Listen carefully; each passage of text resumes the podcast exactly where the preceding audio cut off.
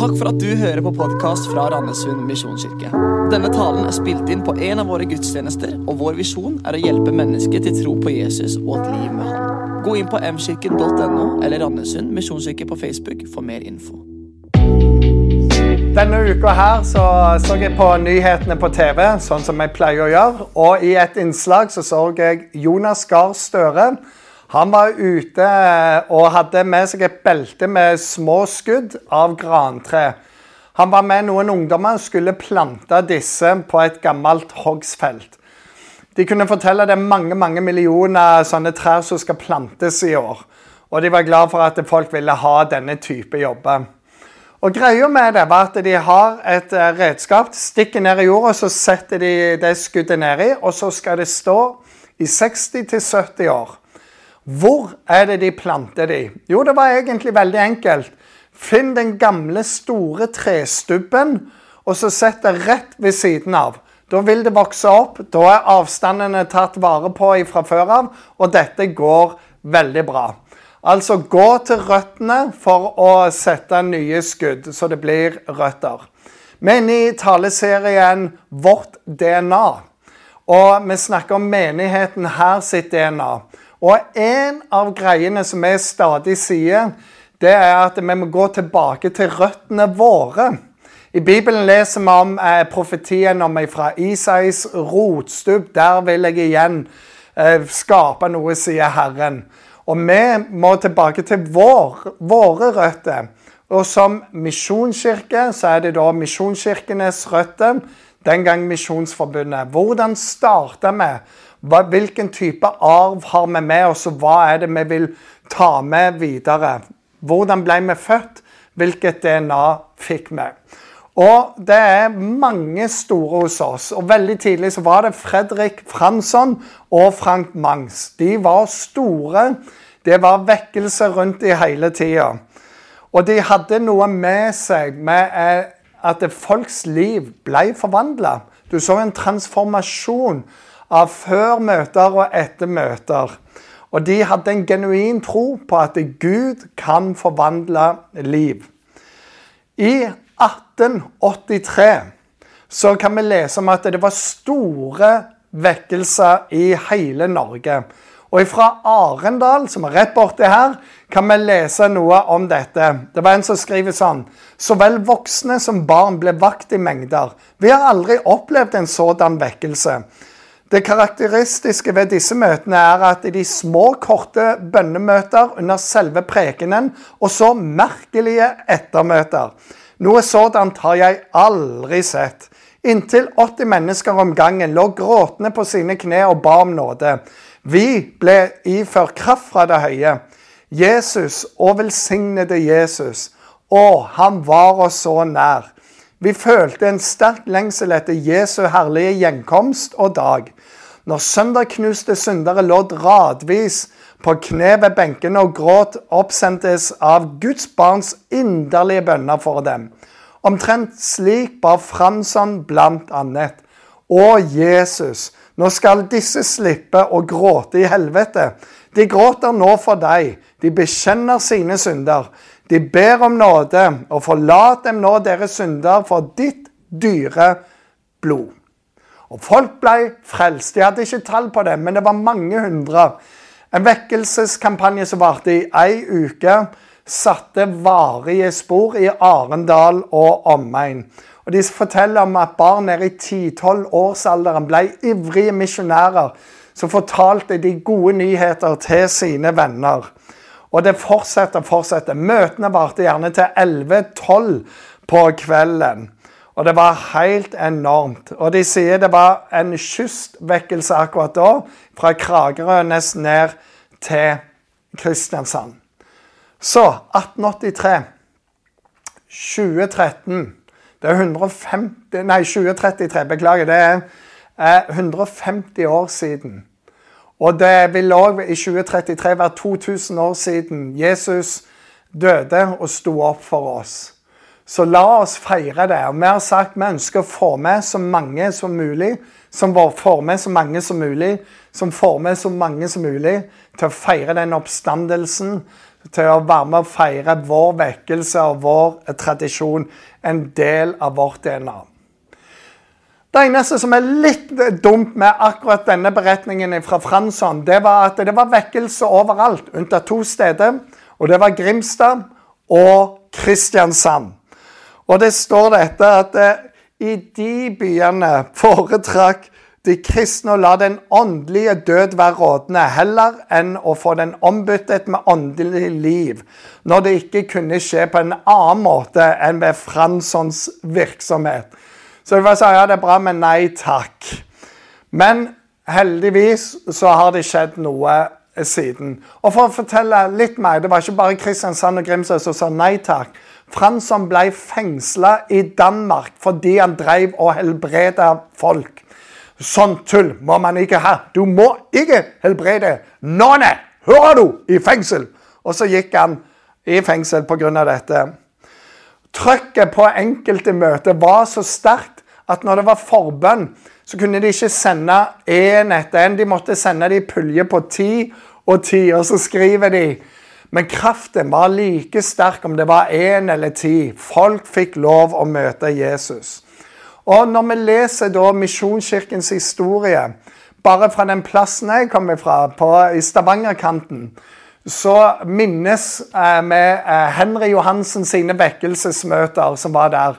Og de fortalte den plassen der det lukta mest alkohol i hele Stavanger, det var i Misjonskirken. For der ble evangeliet forkynt. Og de som var arme, de som ble kalt drukkenbolter på den tiden, de som hadde levd et eh, utsvevende liv, de fant håp og frelse hos Jesus. Så det lukta sprit overalt, og det var en frelsesjubel som var helt enorm. Og det var 'takk, min kjære Jesus', og så kom det gjerne en del gloser med. Men folks liv ble forvandla. Signy og Karen, som jeg har fått lov å møte sjøl, de forteller på godt stavangersk at de, de sykla jo ikke, de suklet. De suklet rundt, gjerne et par mil med gitar på ryggen, hadde vekkelsesmøter. Og det er denne tradisjonen som vi er født inn i. Noe av vårt DNA er født i denne vekkelsen og denne trangen og nøden til å se mennesker bli forvandla av Gud, og troen på at Gud kan gjøre det nå òg. Sist søndag så fikk vi se noen som har møtt Jesus radikalt nå, som eh, lot seg døpe her som voksne. Og Det var fantastisk å vite deres historie. Og det at de, de sier vi må la oss døpe nå fordi Jesus har forvandla livet. Så vi står i en god tradisjon. Og så er det, når vi spoler framover, da, så er det ikke alltid at det har holdt seg konstant. Ti år senere, nei, For ti år siden, mener jeg, så skrev Craig Rochelle ei bok som heter 'Den kristne ateist'. Og Den har en undertittel 'Vi tror på Gud, men vi lever som om han ikke eksisterer'. Vi tror gjerne på at Gud kan være nådig, tilgivende, vennen Jesus. Men vi tror ikke på at han òg er dommeren, den rettferdige. Han som sier stopp, han som sier nok. Vi tror på Gud på en måte, men vi bryr oss ikke så mye om å følge Hans ord. Det er ikke så viktig. Jeg lager mine regler. Jeg tror på Gud, men jeg kjenner han ikke. Jeg har en kamerat som tok bussen fra Hånes og inn til Kristiansand sentrum. Han sitter ved siden av ei jente, og hun forteller hun er en kristen, hun tror på Jesus. Og etter hvert så samtalen går lenger, så sier han jeg beklager å si det, men, men du er faktisk ikke en kristen. For, for, du vet jo ikke hvem Jesus er, og du, du, vet ikke hva Jesus har gjort for deg. og Du, du vet egentlig ingenting. Du hadde bare arva et eller annet tanke. Og så måtte han begynne å fortelle evangeliet på ny, hva det faktisk er dette, hvem Jesus er. Og vi har en tilbøyelighet at vi stoler mer på oss sjøl enn på Gud. Og vi som lever her i Norge, kan stole mer på vår velstand, på økonomien, enn på Guds ord. Og her på Sørlandet spesielt så har vi jo Kardemommebyens lov. Man skal ikke plage andre, man skal være grei og snill. Og for øvrig så kan vi gjøre akkurat som man vil. Det har gått langt inn i de kristne rekker òg. Men det var ikke dette vi var født til. Det er egentlig ikke vårt DNA. Det er noe helt annet. Når jeg leser litt historikk fra Randesund, så må jeg jo òg le litt. For når de skulle plassere Dyreparken i sin tid, så kunne ikke den skje i Randesund. For, for her med oss randølker så kan vi ikke ha eh, dyr i bur. Så heldigvis så ble Dyreparken plassert en annen plass, sånn at vi ikke har det på oss. Veldig fromme folk, respektable borgere. Men spørsmålet er men er det riktig, alt dette her? Og det er ikke noe nytt problem at vi begynner gjerne veldig sterkt, og så glir det ut. I Galaterbrevet så leser vi dette i kapittel 3. Uforstandige galatere, hvem har forhekset dere? Dere som har fått Jesus Kristus malt for øynene som den korsfestede. Svar meg på én ting. Fikk dere ånden ved lovgjerninger eller ved å høre og tro? Er dere så uforstandige? Dere begynte ved ånden. Vil dere nå fullføre med kjøttet? Har dere opplevd alt dette forgjeves, hvis det da var forgjeves? Han som gir dere ånden, og så gjør under blant dere, gjør han det med lovgjerninger eller ved at dere hører og tror? Og greia for disse var at de var frelst av nåde. Jesus har gjort alt. Det er bare å ta imot. Og så begynte det å snike seg inn lære om at eh, men du må gjøre gjerninger. Du må gjøre sånn, du må gjøre sånn. Du må holde fast på de gamle skikkene fra jødedommen. La deg omskjære. Du må holde deg borte fra den type mat. Så blir du god nok for Gud. Og Det er ikke noe evangelie i det. Det er bare krav. Det er lovens gamle eh, ting som kommer tilbake igjen.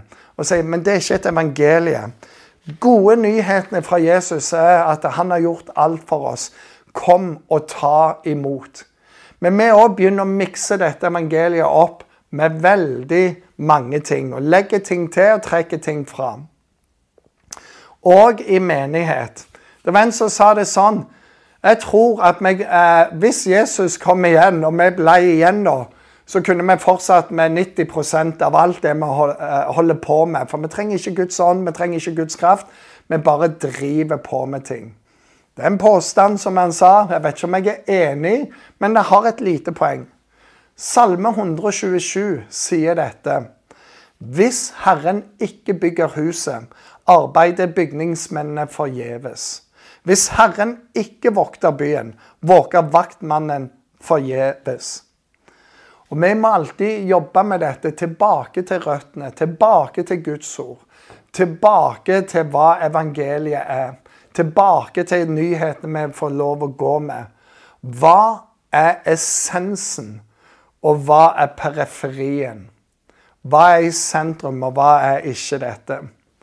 Her i menigheten så hadde vi et fantastisk ektepar en stund som heter Dave og Joe McKissick. De er amerikanere. Og de var her som misjonærer for Operasjon mobilisering. Eh, jeg og en annen fikk lov å være med de på en tur til Irland for å se noe av det arbeidet de gjør. Og Det var to ting som jeg la merke til med hele Operasjon mobilisering. For det første, de samler folk fra all slags kulturer. For det er folk fra alle land i hele verden holdt på å si, som kommer sammen og er team. Og da er det veldig lett med denne kulturkrasjen og si 'Vi har rett, dere har feil'. Men de lærte stadig det er annerledes. Det er ikke rett og feil. Men mange ting er annerledes. Sånn gjør de det ut ifra sin kultur. Og det var òg like mye en spørsmål om å reflektere over den kulturen jeg sjøl kom ifra. Er jeg så sikker på at det er det mest bibelske? Eller kan det være at de jeg reagerer på, faktisk lever mer bibelsk? Det er ikke alt som er rett og galt, men det er forskjellig, og det er verdt å undersøke. Og Den andre tingen som de alltid hadde med seg, det var hvis de kom i en, en samtale, kom i en diskusjon, begynte å se på ting, så sier de alltid Men hva har Bibelen å si om dette? Hva lærer Bibelen oss her? Og Det var alltid denne trangen til å gå tilbake til Guds ord og studere. Men hva sier Bibelen? For det er det som er det viktige. Ikke hva jeg bringer med meg, men hva Bibelen sier om dette. Så noe kan være forskjellig fordi det er forskjellige kulturer, men det kan òg invitere til refleksjon. Og oppi det hele Bibelen er rettesnor for liv og lære. Sånn som det har vært for oss fra dag én av. Her i, i, menigheten så har vi òg tatt en del grep fordi vi ønsker å bevare dette DNA-et. Det at Guds ord er rettesnor for liv og lære. Det at vi, vi lever ut visjonen om å hjelpe mennesker til tro på Jesus og et liv med han. Så noen av de tingene vi gjør, det er alle stabsmøter begynner med et Guds ord og bønn. Og har vi fem møter på en dag, så er det fem ganger vi leser et Guds ord og har en bønn. Det bare å minne oss om hvor vi er, hvem vi er hos, hvem vi jobber hos. Av og til eh, så vil du se at vi setter tid av til bønn. Sånn som så akkurat nå så jobber vi med eh, om vi skal bygge ut kirka ganske så mye. Og Da har vi lagd et hefte, og i 40 dager har vi invitert hele menigheten til å være i bønn og søke Gud om dette. For det er en åndelig ting, det er ikke bare en menneskelig ting. Og vår tilbøyelighet her er å gjøre alt sjøl. Vi begynner i ånden, men vi kan gjøre det sjøl videre. Vi rasjonaliserer det. Men vi trenger denne begge deler, ja. Vi trenger å lytte til Guds stemme, og så trenger vi å, å se sammen. Vi har regelmessige bibelstudier sammen. I høst så satt vi oss eh, et par dager under forelesninger fra Johannes' åpenbaring. Fantastiske stabsdager. Det gjør at vi graver mer i Guds ord. Vi har ofte samtaler med hele staben eh, rundt teologiske refleksjoner. Vi oppsøker konferanser når det er lov å være på. Vi oppsøker menigheter og impulser som dytter oss i retning av menighetens DNA. Og og der vi kan lære noe og være enda mer det som er kalt til å være. Og Så kan vi gå tilbake til Bibelen, og så leser vi i Efeserbrevet kapittel 3 noe her. Må Han, som er så rik på herlighet, gi deres indre menneske kraft og styrke ved sin ånd. Altså må Gud Gi vårt indre menneske kraft og styrke ved sin ånd. Må Kristus ved troen bo i deres hjerter, og dere kan stå rotfestet og grunnfestet i kjærlighet. Må dere sammen med alle de hellige bli i stand til å fatte bredden og lengden, høyden og dybden, ja, kjenne hele Kristi kjærlighet, som overgår all kunnskap. Må dere bli fulgt av hele Guds fylde. Han som virker i oss med sin kraft, og kan gjøre uendelig mye mer enn det vi ber om og forstår. Ham være ære i Kirken og i Kristus Jesus gjennom alle slekter og i evighet. Amen. Gud som kan gjøre uendelig mye mer, om, mer av det vi kan fatte og forstå. Og han ønsker å gjøre noe i vårt indre, i vår tanke, i våre hjerter og i fellesskapet når vi samles. Og det er denne troen, dette DNA-et, om at Gud er Gud, og vi er mennesker. Vi er så heldige vi får bare koble oss på Han. Og så får vi være der i bønnen, i fellesskapet. Og så får Han gjøre det bare Han kan gjøre. Og så er det så fint, for det står at Han er utøvd sin ånd over alle som tror. Så alle som tror, er misjonær. Og menigheten, altså kirkebygget, det er misjonsstasjon. Gud vil bruke oss alle med i dette oppdraget. Eh, Jesus har samla eh, vennene sine, de nærmeste, de som kalles disiplene, på et tidspunkt. Og så spør han dem hvem sier folk at jeg er. Og så sier ah, Noen sier du er en god lærer, noen sier du er en profet, du er masse bra ting. Og så sier Jesus, men, men hvem sier dere at jeg er? Og så kommer Peter og så sier han bare, du er Messias. Du er Herrens salvede. Du er han som vi har venta på. Du er Guds sønn. Og så sier Jesus videre til han, salig er du, Peter. For dette er himmelen åpenbar for deg. Og på denne klippet vil jeg bygge min menighet. Og dødsrikets porter skal ikke få makt over den. Og Det er utrolig interessant, for Jesus har sagt han skal bygge én ting, og det er sin menighet. Og Dødsrikets porter skal aldri få makt over ham. Og Det kan gå opp og det kan gå ned, men det er noe med denne rotstubben og dette livet som er der, som, som er bare lagt av Gud. Og Jesus sier jeg kommer aldri til å slutte å bygge min menighet. Jeg kommer til å bygge gjennom min menighet. Mitt hus skal være bønnens hus. Og han skal få være sentrum. Det er derfor vi samles. Det er fordi vi får lov å møte Jesus og erfare noe av dette og får lov å gi det videre. Så vårt DNA det handler om våre røtter òg, hvor vi kommer ifra. Og så handler det om, som disse som planter de nye greiene skal bli til tre, gå til røttene, sett noen skudd, og så blir det nytt liv der. Paulus han sier det. Jeg planta. Han planta og planta. Så kom Apollo. Han vanna. Men det var Gud som ga vekst. Så her er jeg, her er du. Du er velkommen til å være med og plante og vanne. Og så får vi ha den tiltroen til at Gud skal fortsette å gi sin vekst. Skal vi be. Herre Jesus, jeg takker deg for at eh, når vi ser på vårt DNA, så kan vi alltid gå tilbake til røttene. Og de store røttene, det er hva gjorde du? Hva sier Bibelen om ditt liv? Og hva evangeliet er?